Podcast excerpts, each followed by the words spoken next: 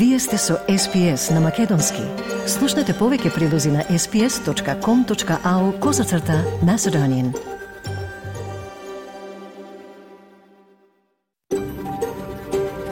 SBS, a world of difference. You're with SBS Macedonian on mobile, online, and on radio. Вие сте со SPS на Македонски на мобилен, преку интернет и на радио.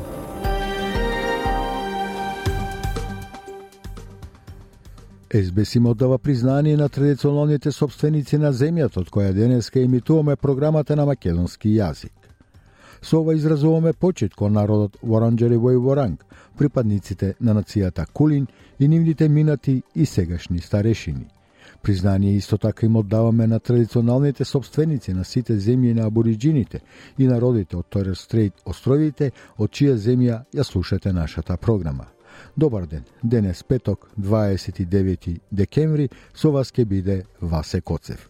И денешната последна програма за 2023 година ќе започнеме со најновите вести од Австралија и светот. По нив следува извештајот со најновите настани од Македонија. Подоцна во програмата почитувани ќе слушнете прилози за тоа кои настани од сферата на културата, уметноста, науката и спортот ја одбележаа 2023 година во македонската заедница во Австралија. Пред да ги слушнете на новите вести, само да ве подсетам дека денешната програма ќе се имитува и утре, сабота, 30 30 декември, па затоа и на оние кои ќе не слушаат во сабота, им велиме добар ден и останете со нас, продолжуваме со најновите вести.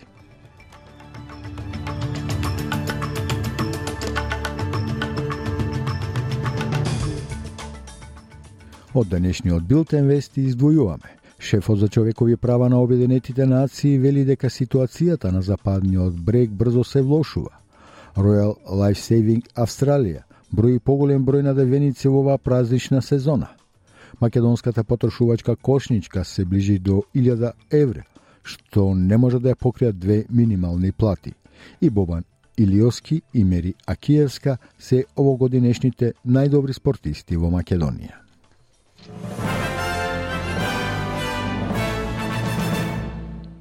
Невремето и поројните поплави низ југоисточен Квинсленд однесоа седум животи, но домакинствата сега се предупредени да се подготват за топлотен бран. Повеќе од 120.000 домови и бизниси останаа без струја за време на екстремниот дошт, молни и ветар. Министерот за енергетика на Квинсленд, Мик Дабрени, рече дека 63% од корисниците без струја од невидените бури во понеделникот и вторникот сега ги обновиле своите услуги. Господин Дебрини рече дека го следат државниот план за обновување на електричната енергија. Uh, what it outlines is that by the evening uh, of the 30th of December that we aim to have 80% of households and businesses across the affected region have power resupplied. Uh, that by the end of New Year's Eve, so by the end of the 31st uh, of December this year, uh, we aim to have 90% of power resupplied. Во меѓувреме, федералниот министр за справување со катастрофи и ворени состојби Мареј Вод рече дека жителите треба да внимаваат на предупредувањата додека државата се подготвува за престојниот топлотен бран. We're only just beginning summer. Uh, we're likely to see other extreme weather over the coming weeks and months, so please stay across those warnings because it could just save your life. Шефот на Обединетите нации за човекови права обрнува внимание за западниот брег каде што вели дека ситуацијата брзо се влошува. Тој известува за пораст на нападите на доселениците и случаите на насилство од страна на израелските безбедносни сили против палестинците. Волкер Турк, високиот комесар за човекови права на Обединетите нации, ги наведува жртвите. From 7 October to 27 December this year, 300 Palestinians, including 77 children, have been killed in the occupied West Bank. In the same period, Israeli security forces have arrested more than 4,700 Palestinians, including about 40 journalists. At the same time, Israeli authorities have imposed severe and systematic restrictions on the movement of Palestinians across the West Bank.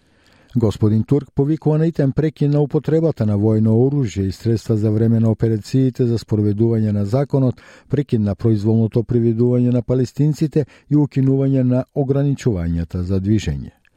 Армијата на Израел вели дека, цитирам, жали за штетата предизвикана на неинволвираните цивили, затворен цитат, во бегалскиот камп Магази.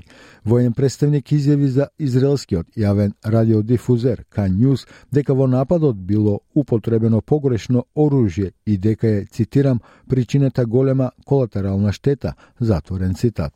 Во израелскиот воздушен напад врз кампот Магази, кој се наоѓа во центарот на појасот Газа, загинаа најмалку 86 лица на 24 декември.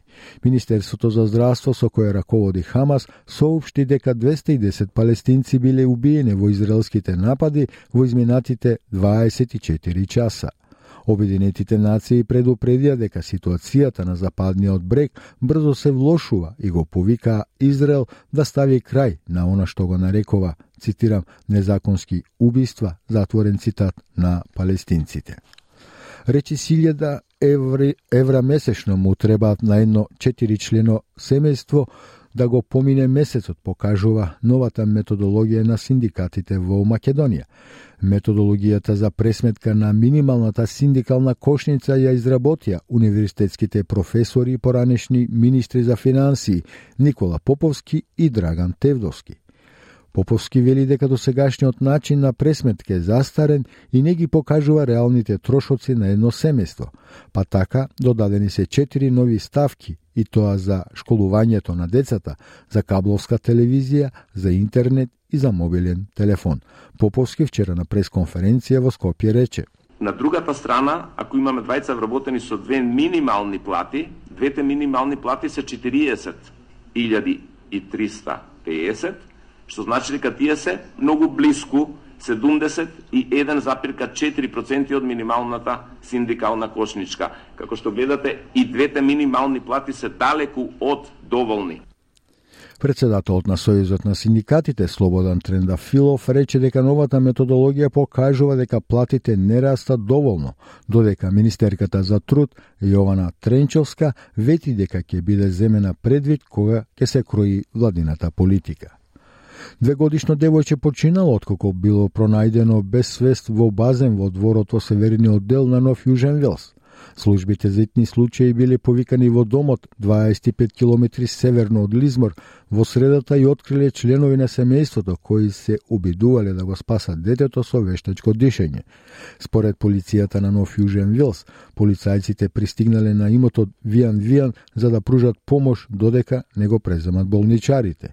Девојчето било однесено во болницата во Лизмор, но не можело да биде вратено во живот. Според официјалниот биланс составен од Royal Life Saving Австралија, до четвртокот навечер околу 30 луѓе се удавиле низ целата земја од 1 декември. Тоа е за 6 повеќе од истото време минатата година и повеќе од петгодишниот просек. Основачот на добротворната организација на фондацијата Екзодус, позната како Реверен Бил Круз фондација вели дека овој божик бил особено тежок за ранливите австралици. Отец Бил Круз вели дека има повеќе вредни луѓе од кога било досега кои бараат подршка бидејќи не можат да си ги дозволат ниту основните потреби и услуги. Well, we've morphed from feeding the homeless to feeding the hungry. Because people coming in eating here, they can be working, but they're just not earning enough money. And a lot of people, and it's also feeding the lonely, that, that so many people are shut in their units and houses, never get out, and um, they're afraid. And through COVID, we've been all worried about communities. We're isolated from one another, and all that's done is created anxiety. Премиерот беше еден од многуте волонтери кои ги хранеа бездумниците и ранливите австралици во фондацијата на западниот дел на Сиднеј на Божик. Тоа е една од најголемите добротворни организации во Сиднеј, кој секој ден служи до 2000 оброци за оние на кои им е потребно, за кои исто така обезбедува и услуги за социјална поддршка а папата Францис повика на прекин на војната во Газа и на ослободување на израелските заложници кои ги држи Хамас. Во својата традиционална божикња порака папата повика и на поголема помош за Газа, како и на крај на разгорувањето на насилството и омразата. Тој исто така посака да се реши палестинското прашање преку искрен и истраен договор меѓу страните, подкрепен со силна волја и поддршка од меѓународната заедница. Порто nel cuore il dolore per le vittime dell'esecrabile attacco My heart grieves for the victims of the attack on October the 7th, and I reiterate my urgent appeal for the liberation of those still being held hostage. I plead for an end to the military operations with their appalling harvest of innocent civilian victims and call for a solution. Лайфлайн ги подсетува австралијците дека борбата со менталното здравје за време на празничниот период е многу честа појава, при што зголемените притисоци и очекувањата често ги влошуваат емоциите. Извршниот директор на Лайфлайн Колин Сири вели дека и покрај радосните и весели прикази на празничната сезона, факторите како што се зголемените финансиски притисоци, зголемените семејни тензии и засилените чувства на осаменост често предизвикуваат сложени и тешки емоции за луѓето.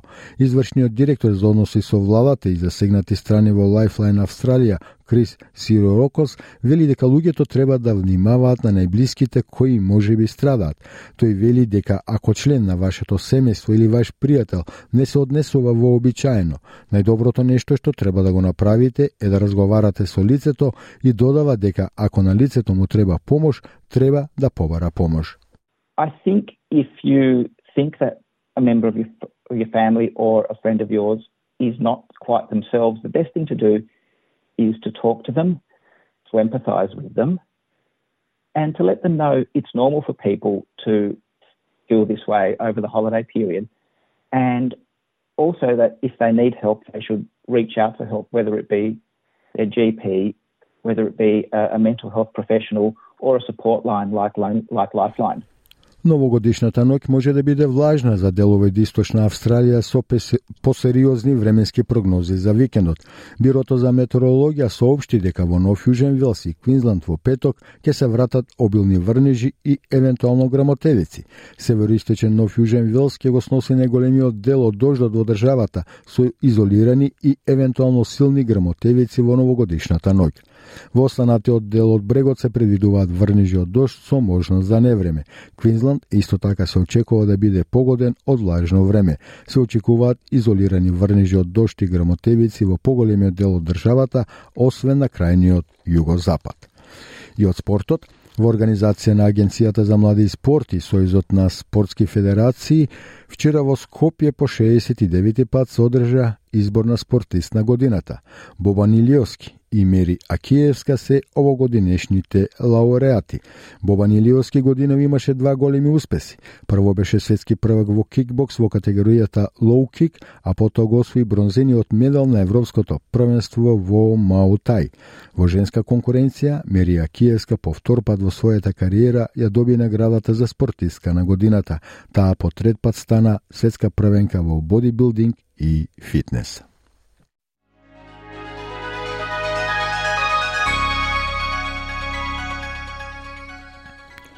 А од најновата курсна листа. Денеска, еден австралиски долар се менува за 0,61 евро, 0,68 американски долари, 37,80 македонски денари, додека еден американски долар се менува за 55,29 македонски денари, а 1 евро за 61,21 македонски денар и временската прогноза за поголемите градови во Австралија за сабота, 30 декември, пер претежно сончево со температура до 35 степени, Аделајд облачно до 22, Мелбурн можни врнежи до 18 степени, Хобарт облачно до 17, Камера претежно сончево до 26 степени, Сидни кратки повремени врнежи со температура до 26, Бризбен врнежи од дошт можна и бура до 32 степени, Дарвин претежно сончево до 35 и во Алис Спрингс сончево со температура до 40 степени.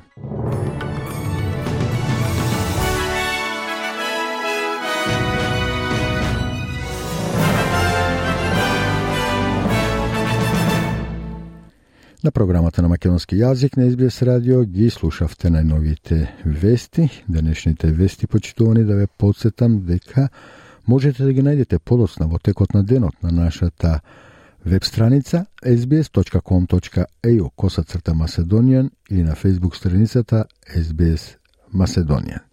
Инако SBS на македонски можете да слушате секој ден преку радио, секој ден од понеделник до петок, исто така онлайн и на апликацијата на мобилен. Со вас почитувани до крајот на програмата останува Васе Коцев, сега следува првиот блок маркетинг, а потоа и извештајот од Македонија. Слушате СБС радио, програма на македонски јазик. Денес со вас е Васе Коцев. Следува извештајот од Македонија, денес подготвен од нашиот соработник Бране Стефановски.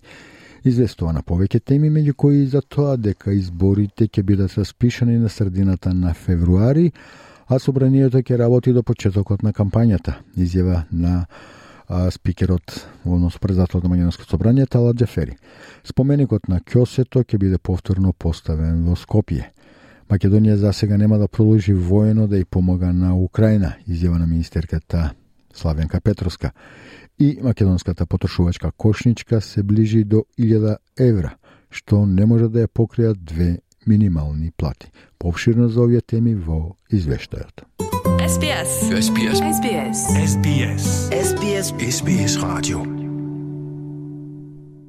На брифинг со новинарите вчера председателот на собранието Талат Джафери рече дека ако партиите не се договорат за избор на нов член на Државната изборна комисија, нема пречка актуелниот состав да работи и без нов член. Со или без него, соодносот во комисијата нема значајно да се смени Вели Джафери, но дека од партиите зависи како ќе се договорат. Ако не успеат во тоа, се уште има време и за распишување нов оглас за член на комисијата, но за тоа одново ќе треба да почне процедурата и да биде свикана и нова седница. Во пресрет на формирањето на преодната техничка влада која стапува на сила на 28 јануари, Джафери брифира и дека околу 26 треба да биде свикана седницата за новата влада, а неколку дена предходно ќе треба тој и премиерот Ковачевски да ги депонираат своите оставки. Изборите ќе бидат распишани на 14 или на 15 февруари, а собранието ќе работи во полн состав до почетокот на април, со тоа што пратеничкото место на Джафери, кој ќе биде технички премиер, ќе го пополни Муса Ибраими, а функцијата председател на Законодавниот дом ќе ја врши Јован Митревски, координаторот на пратеничката група на СДСМ. Джафери кажа дека на предстојните избори ќе се кандидира за уште еден пратенички мандат, а дека нема амбиција за кандидат за председател на државата. Албанскиот опозиционен блок и вчера побара место во изборната комисија. Министерот за правда Кренар Лога, одговарајќи на прашање, рече дека може би најдобро решение би било изборната комисија да се зголеми за уште еден член. Јас сум на тоа дека има можност и да се прошири составот со по уште еден член. Значи и за опозицијата така да најбезволно ќе се реши тој проблем. Бидејќи имате партија со 8 пратеници која е четврта политичка партија, а имате и помали партии кои со еден пратеник барат да се дел од процесот. Предходно, албанскиот опозиционен блок ја покани Алијансата на албанците да му се придружи, но лидерот Арбен Таравари е решен партијата сама да настапи на предстојните избори, а за евентуални натамошни коалиции нема конкретен одговор. Споменикот на Андон Јанев Ќосето се враќа на Скопскиот јавен простор, овој пат ќе биде поставен во автокоманда. Оваа одлука ја донесе Врховниот суд. Иницијативата беше поднесена од градоначалничката на Скопје Данела Арсовска со помош на ВМРО ДПМНЕ. Овој потек на Арсовска ги спои некогашните сојузници, а сегашни противници да си подадат рака за заедничка кохабитација. ВМРО ДПМНЕ соопштува дека секоја одлука што е блиска на идеологијата на партијата ќе биде поддржана. Сметаме дека овој историски лик заслужува спомен обележје и заемна почит. Фрапира антимакедонското однесување на СДС, која се противеше на поставувањето на спомен обележјето што представува продолжување на нивната политика за разградување на македонското јадро. По изгласувањето на одлуката на Потеке Арсовска, која не треба да подклекне навлијанијата на незината коалиција во Советот предводена од СДС, која е јасно против ваквата иницијатива, се вели во реакцијата на ВМРО ДПМНЕ. Споменикот се враќа по неколку годишно мирување во магазинот на една скопска фабрика. Споменикот беше поставен пред судската палата во 2014 година, а отстранет пред 5 години, кога градската власт ја презеде Петре Шилегов во 2018 -та. Образложението беше дека е дивоградба и дека на негово место ќе се засади дрво на човековите права. Ќосето на споменикот е представен со кама во раката. Историчарите имаат различни толкувања за неговата историска улога. За едни е патриот кој убивал непријатели и душмани, за други джелат. Буџетот на Министерството за одбрана за едната година изнесува историски 2 насто од бруто домашниот производ, истакна министерката Славјанка Петровска на годишниот брифинг за оваа година. Тоа ќе овозможи набавките на оклопните возила GLTV-а, оклопните возила Страйкер, системите за противвоздушна одбрана Мистрал 3 и артилериските орудија Боран да продолжат да пристигнуваат согласно договореното. 42 возила треба да бидат, односно веќе се е склучен договорот и нивната испорака треба да започне во декември 2024 година. На прашањето на новинарите дали Македонија ќе продолжи воено да и помага на Украина, Петровска даде негативен одговор.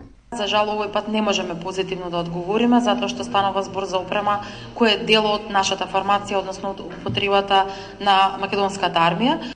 Но во овој момент немаме најава, односно немаме конкретно побарување за тоа колкав број на припадници на, на украинската војска и како вид на обука ќе бидат ќе бидат извршени. Министерката додаде дека сепак има подготвеност за нова обука на украински војници на македонска територија.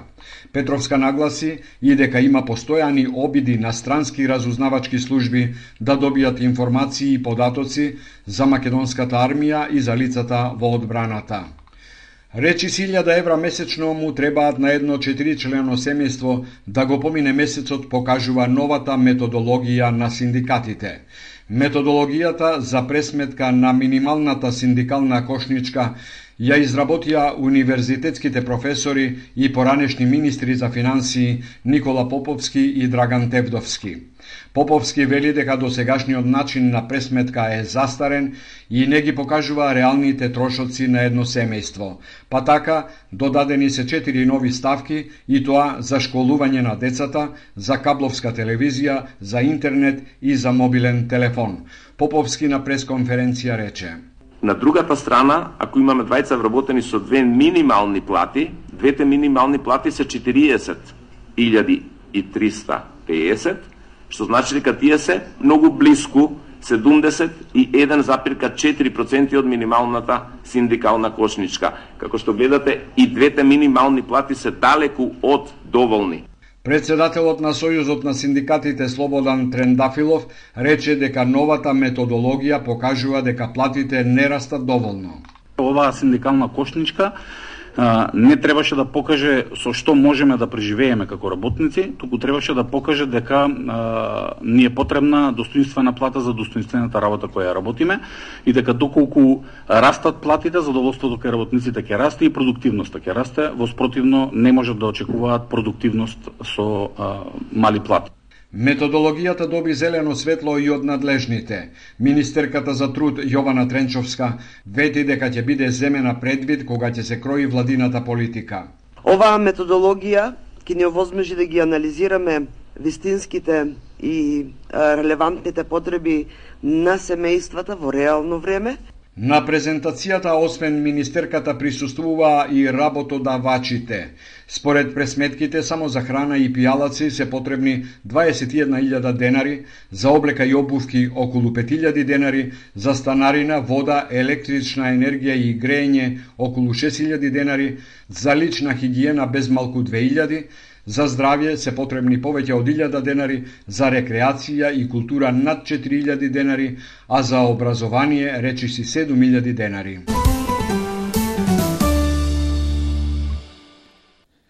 На програмата на македонски јазик на Избес радио го слушавте редовниот извештај од Македонија денес подготвен од нашиот сработник Бране Стефановски. Денешниот извештај заедно со вестите кои што ги слушнавте предходно, но и со другите наши подготвени прилози, интервјуа, видеоклипови можете да ги најдете на нашата веб страница sbs.com.eu косацата Маседонија, но и на Facebook страницата SBS Маседонија.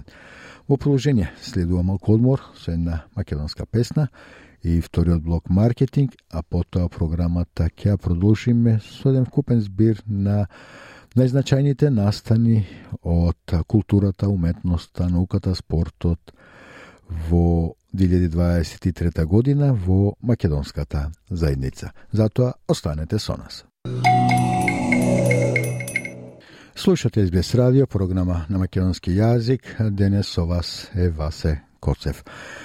Подготвиме еден прилог заедно со колешката Маја Талеска за настаните што одбележат 2023 година во македонската заедница. Повторно сме на крајот на уште една година, тоа е точно оној миг кога редовно како индивидуи, но и како социјални групи повлекуваме една замислена имагинарна линија и ја бараме сметката за 2023, односно за се добро и лошо што годинава ни донела. Низа настани успеси од сферата на културата, уметноста, спортот, науката и други обштествени достигнувања ја одбележаа 2023 година, кога станува збор за македонската заедница во Австралија. Традиционално, нашата редакција подготви листа од личности, организации и настани што оставија печат годинава. Листата ќе започнеме со австралиско-македонскиот автор и режисер Горан Столески, чиј трет долгометражен филм Домакинство за почетници имаше светска премиера во рамките на надпреварувачката програма на престижниот филмски фестивал во Венеција, каде беше и награден. Најновиот филм на Столевски имаше одличен оддек во светските медиуми и беше избран да ја представува Македонија за наградата Оскар – Домакинство за почетници исто така беше редовниот репертуар во кината низ Австралија. Да чуеме од Столевски за што станува збор во овој филм. Едноставно речено за жена во Македонија, често партнерка умира и, и остава две керки да ги гледа, а партнерката е ромка и девојчињата воопшто не сакаат да им биде мајка, а таа воопшто не сака исто така да им биде мајка и влегуваат во некој сукоп. Поголемиот дел комичен на филмот не е само тешка драма, ама усилено има и некои тешки елементи. Кога станува збор за уметноста во 2023 година, романите на двајца македонски автори од Австралија беа номинирани за значајна книжевна награда, роман на годината на фондацијата Славко Јанески од Македонија. Станува збор за Водни тела од авторката Ана Аврамовска од Мелбурн и романот Смртта не е крај од авторот Владо Јаневски од Сидни. За значењето за тоа зборувавме со Зездан Георгиевски од фондацијата. Мене ми е многу драго што што двајца автори од диаспората се во вториот круг за романа на годината. Тоа покажува е, многу е, како како да кажам има повеќе значење. Прво дека имаме некоја нова македонска диаспора таму. Второ, да не ги повторувам се флоскулите за идентитети и така натаму. Трето, дека светот станува се помал и дека ме навистина мило што сме во во еден заеднички контакт на толкава оддалеченост бидејќи за да се напише еден роман кој ќе влезе во вториот круг на роман на годината, треба да имате сериозна комуникација со културната а, клима или со, со културната состојба во мацицата. Овде очигледно е, тоа е постои и, и тие, тој контакт е многу жив.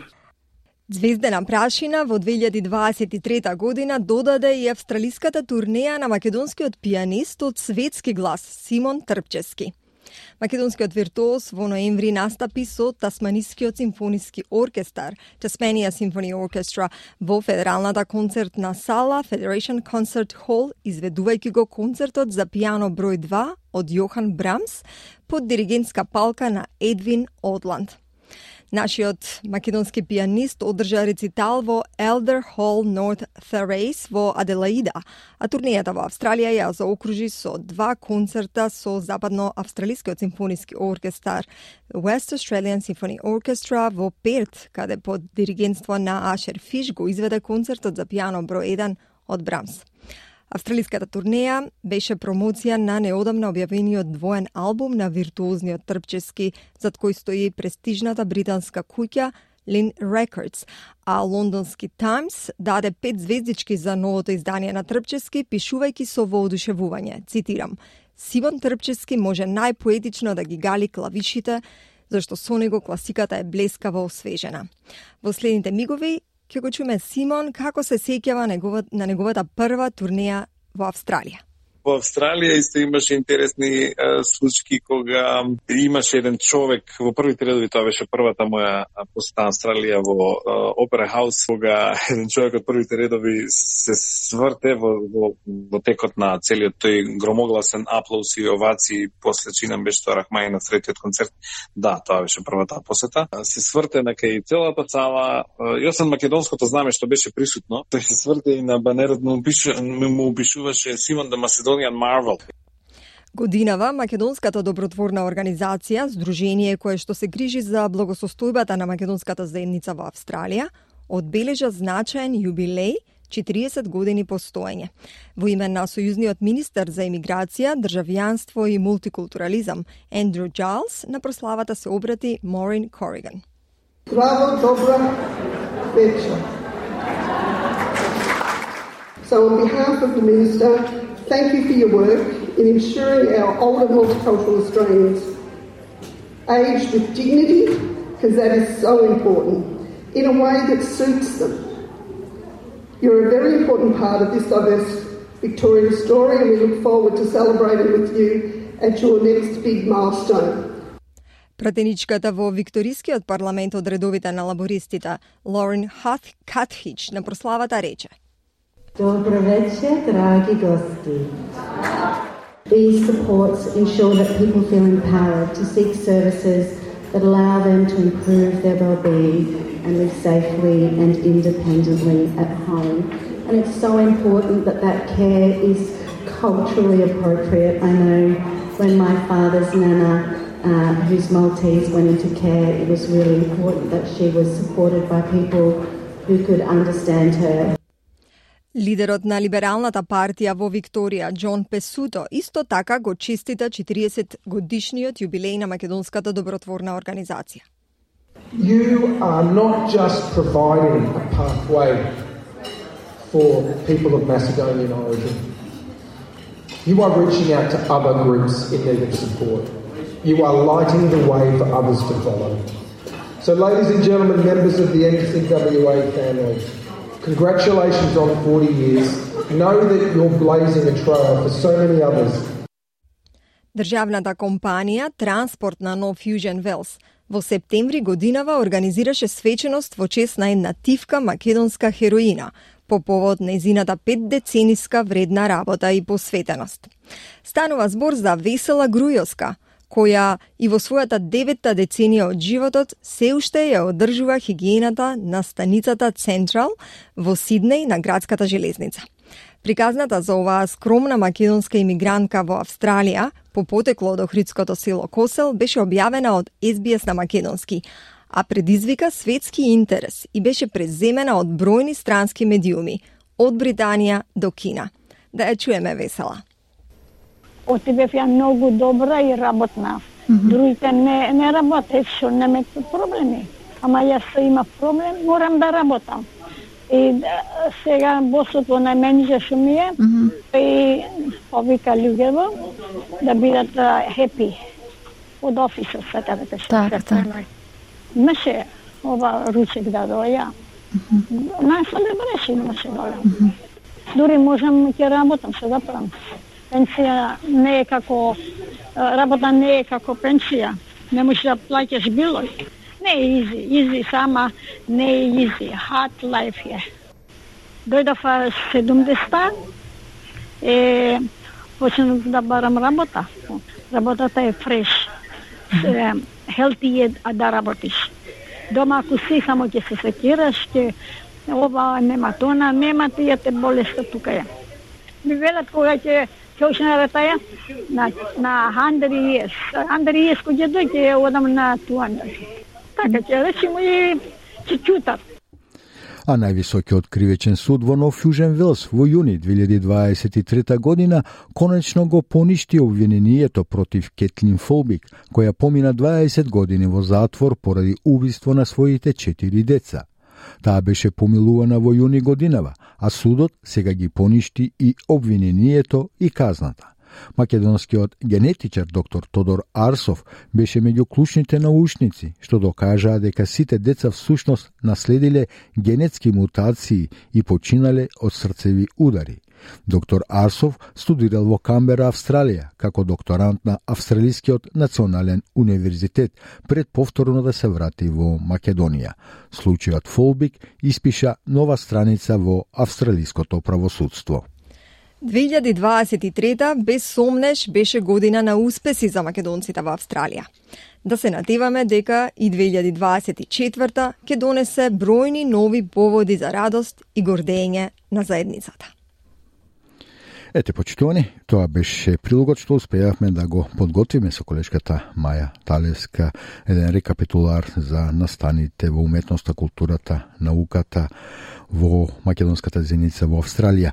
Во продолжение следува уште еден блок маркетинг, нашиот трети последен, на краток 30 на секунди, а потоа ќе се обидеме заедно со колешката Маја повторно да ве внесеме во светот на спортот, односно да направиме еден преглед за тоа како помина 2023 година на спортски план меѓу клубовите и спортистите во македонската заедница. Почитувани, вие сте со SBS на Македонски во уште едно издание на емисијата на македонски јазик, денеска со Васе Коцев и јас му правам друштво во студиото Маја Далевска. Спортот е незаобиколива тема кога станува збор за македонската заедница во Австралија и резимето на она што се случуваше во 2023 година. Тоа е ресор на колегата Васе. Најпрво што на спортски план ја одбележа годинава во Австралија генерално зборувано Васе?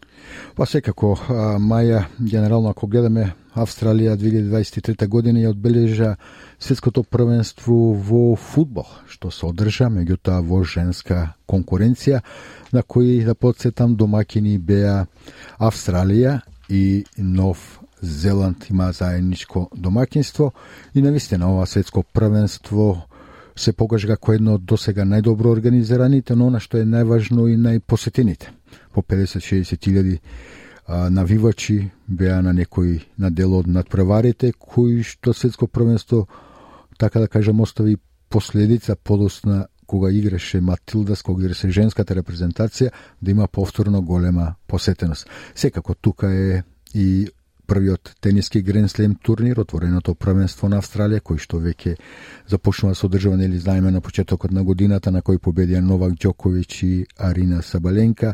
Секако тука се националната рагби лига, ЕФЛ лигата, ете да подсетам дека во финалето Колингвуд и Бризбен игра, победи Колингвуд, интересно за македонската заедница што таму настапуваат и двајца играчи со македонско потекло, познатите Џош и Ник Дајкос, односно синовите на уште попознатиот македонски Марвел Питер Дајкос.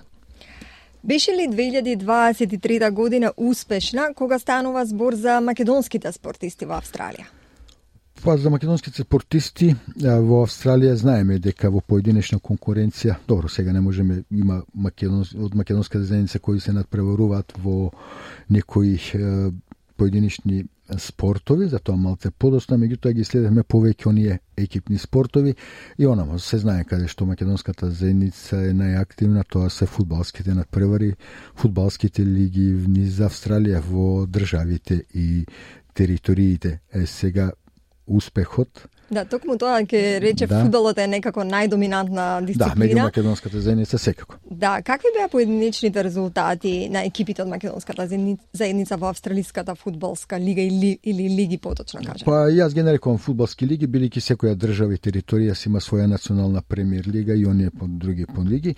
И ако мене ме прашувате лично, а, јас сум задоволен од она што го покажаа македонските екипите од македонската зеница во тие лиги, бидејќи имаме еден шампион во Западна Австралија, тројца кои што играа во големото финале, три екипи, во Илавара премиер лигата и во северниот регион на Нов Јужен Велс, со тоа што Рокдел заврши на второто место, Алтона Меджик Вардар по подолго време играше во една финална серија, заврши на шестото место, за тоа попширно, но и она што е најважно, Пресол Македонија е одбран како клуб кој што до година, ќе зборнеме за тоа подосно во 24 година, ќе игра во таа позната национална втора лига, што допрва треба да да започне да се спреваруваат на територијата на цела Австралија, што е огромен успех за македонската зеница.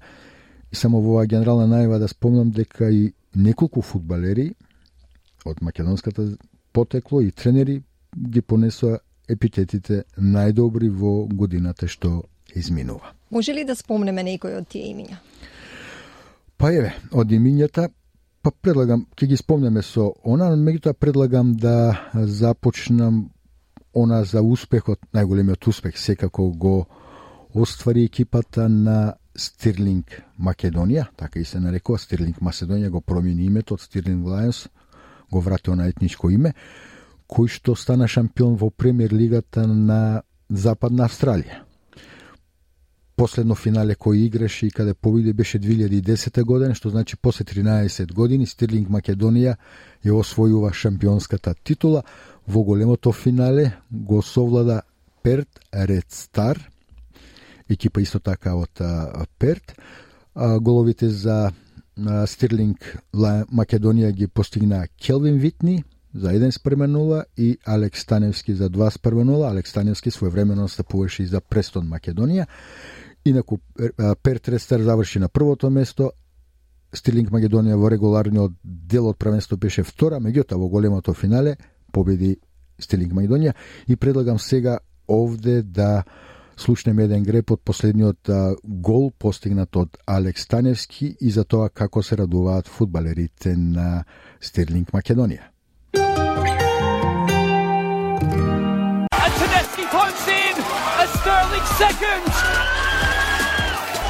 And they are well and truly on course to win a first piece of top flight silverware for 13 years now. We sang it once, we sing it twice.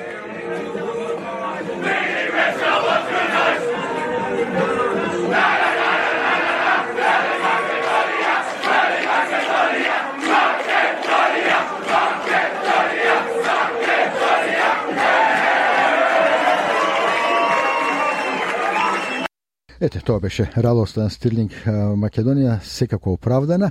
Меѓутоа, на ваква радост не може да се израдуваат фудбалерите на Кринджила Лајонс во Илавара премиер лигата и тие исто така после долги години од далечната 1997 година кога го играа последното финале, повторно се пласираа во финалето дури во 2023 година, меѓутоа беа поразени беа поразени од екипата на Конистон со 1 спрема 0. Кринджила Лајонс имаше и екипа во младинското финале, таму пак противник беше Вулонгонг Юнайтед, значи тоа беше македонско дерби. За жал, Кринджила Лајонс го изгуби и тоа а, финале. А, секако овде само да споменем дека Вулонгонг Юнайтед го заврши на шестото место, Кринджила Лајонс беше долго во сенка на Вулгонг Юнайтед, меѓутоа сега тие игра во финале, а членот на Кринджила Лајонс, Петар Симоновски, беше прогласен за најдобар играч на на лигата во Илавара премиер лигата. Своевремено пред почетокот на тоа финале ние разговаравме со председателот на клубот на Кринджила Лајонс, Стивен Јовановски, па предлагам повторно да се подсетиме да ги слушнеме неговите сеќавања. everyone's excited. It's been a long time since St Villa's made the grand final, mm-hmm. and, and, to have not one but two teams represent the club is, is a is a massive achievement. Um, just to be in the grand final is is big, um, and we're hoping to to win both, um, which will be a big turnaround from where the club was only three four years ago. We were at the bottom of the table, so it's been a, a lot of work, a lot of effort. a lot of people have put um, a lot of their, their work and volunteered a lot of time and, and planning to, to make this happen. So, you know, I'm, I'm really happy that we have so many Macedonian kids that play in our team as well. They're all local players. As I said, in first grade, we, we have six players in, in the team. In youth grade, there's probably seven or eight. So we're really, really proud um, to be a Macedonian club and have so many Macedonian kids play in the team. Чувме за спортските резултати на екипите од Западна Австралија. Како игра и што постигнаа македонските екипи во Викторија и Нов Фьюжен Велс? Да, слушнавме за Западна Австралија и Лавара премиер регионот. Меѓутоа, во северниот регион на Нов Южен Велс, каде што се игра исто така премиер лига, екипата на Бродмедоу Меджик исто така беше учесник дел од големото финале. Противник беше Ламтон Джафас, меѓутоа загуби со 2 спрема еден не успеа да а, го освои победничкиот пехар, но сепак голем успех со самиот пласман во финалето. Во премиер лигата на Нов Јужен Вилс годинава не се играше она финална серија, туку она стандардно по, преварите надпреварите и првото место го освои Апија Лейчард со 65 бодови, додека Рокдел Илинден го освои второто место со 59 бодови.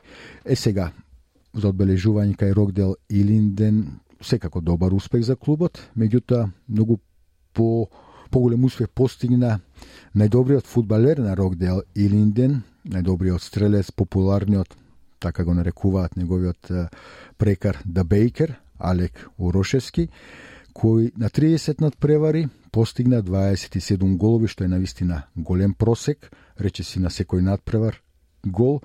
И поинтересно 10 постигнато повеќе од второпласираниот најдобар стрелец во премиер лигата. Але Орошес, кој веќе неколку години е најдобар стрелец во лигата и во Рокдел, беше избран и за на фудбалер на годината, покрај тоа што ја понесе и наградата Златна копачка или Голден Бут за најдобар стрелец. Предлагам сега Маја овде да го слушнеме и 23-тиот гол на Алек Урошевски, навистина е прекрасен гол со коментар од а, коментаторот на националната телевизијата националната премиер лига на Нов Јужен Велс. Antonio, he was on side. Uroshevsky!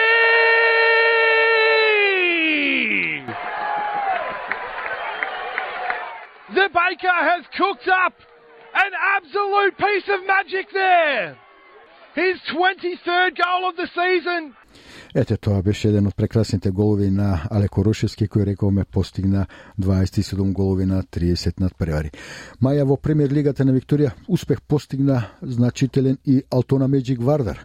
Го освои шестото место и за прв пат, колку сега се сеќам од 2008 година, кога го играше на големо финале, за прв пат успева да се пласира во една финална серија, додуше беше елиминирано уште во првото коло, меѓутоа Во крајниот скор го освои шестото место, предводен од тренерот Џон Марковски.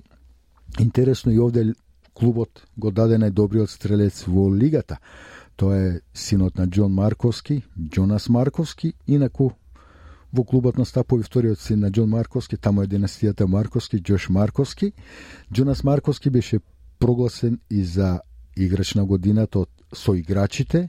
Ја добие наградата Бил Флеминг Медиа Award – и наградата за најдобар стрелец. А сето тоа пак му го отвори патот на младиот Джонас Марковски кон А-лигата, бидејќи сега тој е член на Брисбен Роар. А, Джонас Марковски постигна 19 голови и овде имаме еден краток исечок од еден негов постигнат гол од а, со коментар од телевизијата националната премиер лига на Викторија. Chini, Tommy Semi, Markovski. Semi cut through the middle. Semi, can he hit it? Tommy Semi, chance. Markovski, and it's a goal, and it's Jonas Markovski. Е сега, за футболот, секако Маја добро да ти кажам, ме преше, меѓутоа завршуваме со најпознатиот македонски клуб надвор од Македонија во диаспората, тоа е Престон Македонија, односно Престон Лајонс. Заврши на осмото место со 36 бодови, се очекуваше пласан во премиер лигата, настана некои а, не проблеми, не проблеми, него пад во играта и го освои шестото место на крајот.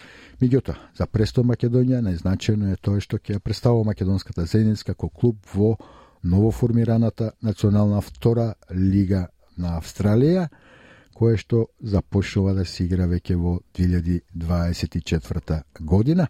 И овде имаме подготвено еден краток писечок од интервјуто што го правиме порано со председателот на клубот Давид Светковски за тоа што значи ова за македонската заедница и за самиот клуб. Мислам за сите љубители, не само на футбол во Австралија, и то на футболскиот клуб Престон Lions или Престон Македонија. Се срце сакам на цел народ да му честитам ова радост.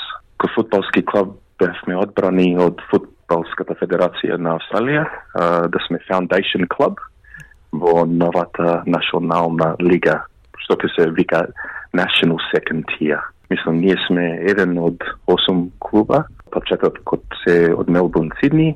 Се надевам дека ќе исто има екипи од сите стајц во Австралија. Екипата ќе игра во, во сите стајц во Австралија. Да. Мислам, ова за нас е платформ кај што ќе можеме не само футболската екипа, ама цела македонска диаспора да ја покажеме, мислам, низ цела Австралија како екипата ќе шета Сидни, Аделаид. Да.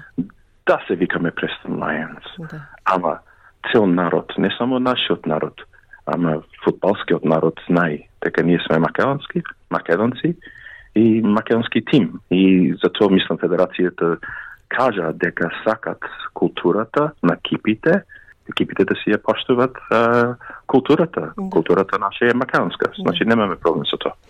Васе тоа беше еден долг и црпен извештај mm -hmm. биланс кој што ти може успешно да го направи за екипните спортови. Сосема на крај би сакала да те прашам колку беа успешни македонските спортисти во Австралија во индивидуалните спортови, какви резултати постигнаа? Па во оние поединични спортови исто така се постигна оние што ги следевме како СБС радио, тоа се каратистите, да ги да подсетам, сестрите близначки од Перта, Маријана и Мишела Димовска и Кирина Камчевска таму потоа од Мелбурн, Макаела Тасевска, Стефани Димовска, Тео Цветковски, сите тие доминираат во држ, своите држави, меѓутоа и на национално ниво во Австралија, каде што беа нивните загарантирани првите и вторите места, но исто така тие се меѓу неуспешните усвојуваат медали и на првенствата на Океанија. Тука некаде ќе треба да се поздравиме од нашите слушатели за годинава. Ви благодариме што бевте со нас во изминатата 2023 ги делевте со нас сите добри и лоши вести што ги донесе годинава и екипата на SBS на Македонски ви посакува многу здравје, здравје, љубов и убавина во новата 2024 година. Токму така, Маја, се ближиме на днешната последна програма. Пред да ви посакам среќна нова година, само да ја подсетам дека ова денешна програма за петок ќе слушате и утре во сабота кога е нашата реприза, па да не дојде до некоја забана, но како и да е. Среќни нова година, среќни празници и ќе ве подсетам, бидете повторно со нас и наредната година, веќе во понеделник, точно напладне. Пријатно поплане, пријатен викенд, среќни празници. Стиснете, ми се допаѓа, споделете, коментирајте. Следете ја SPS на Македонски на Facebook.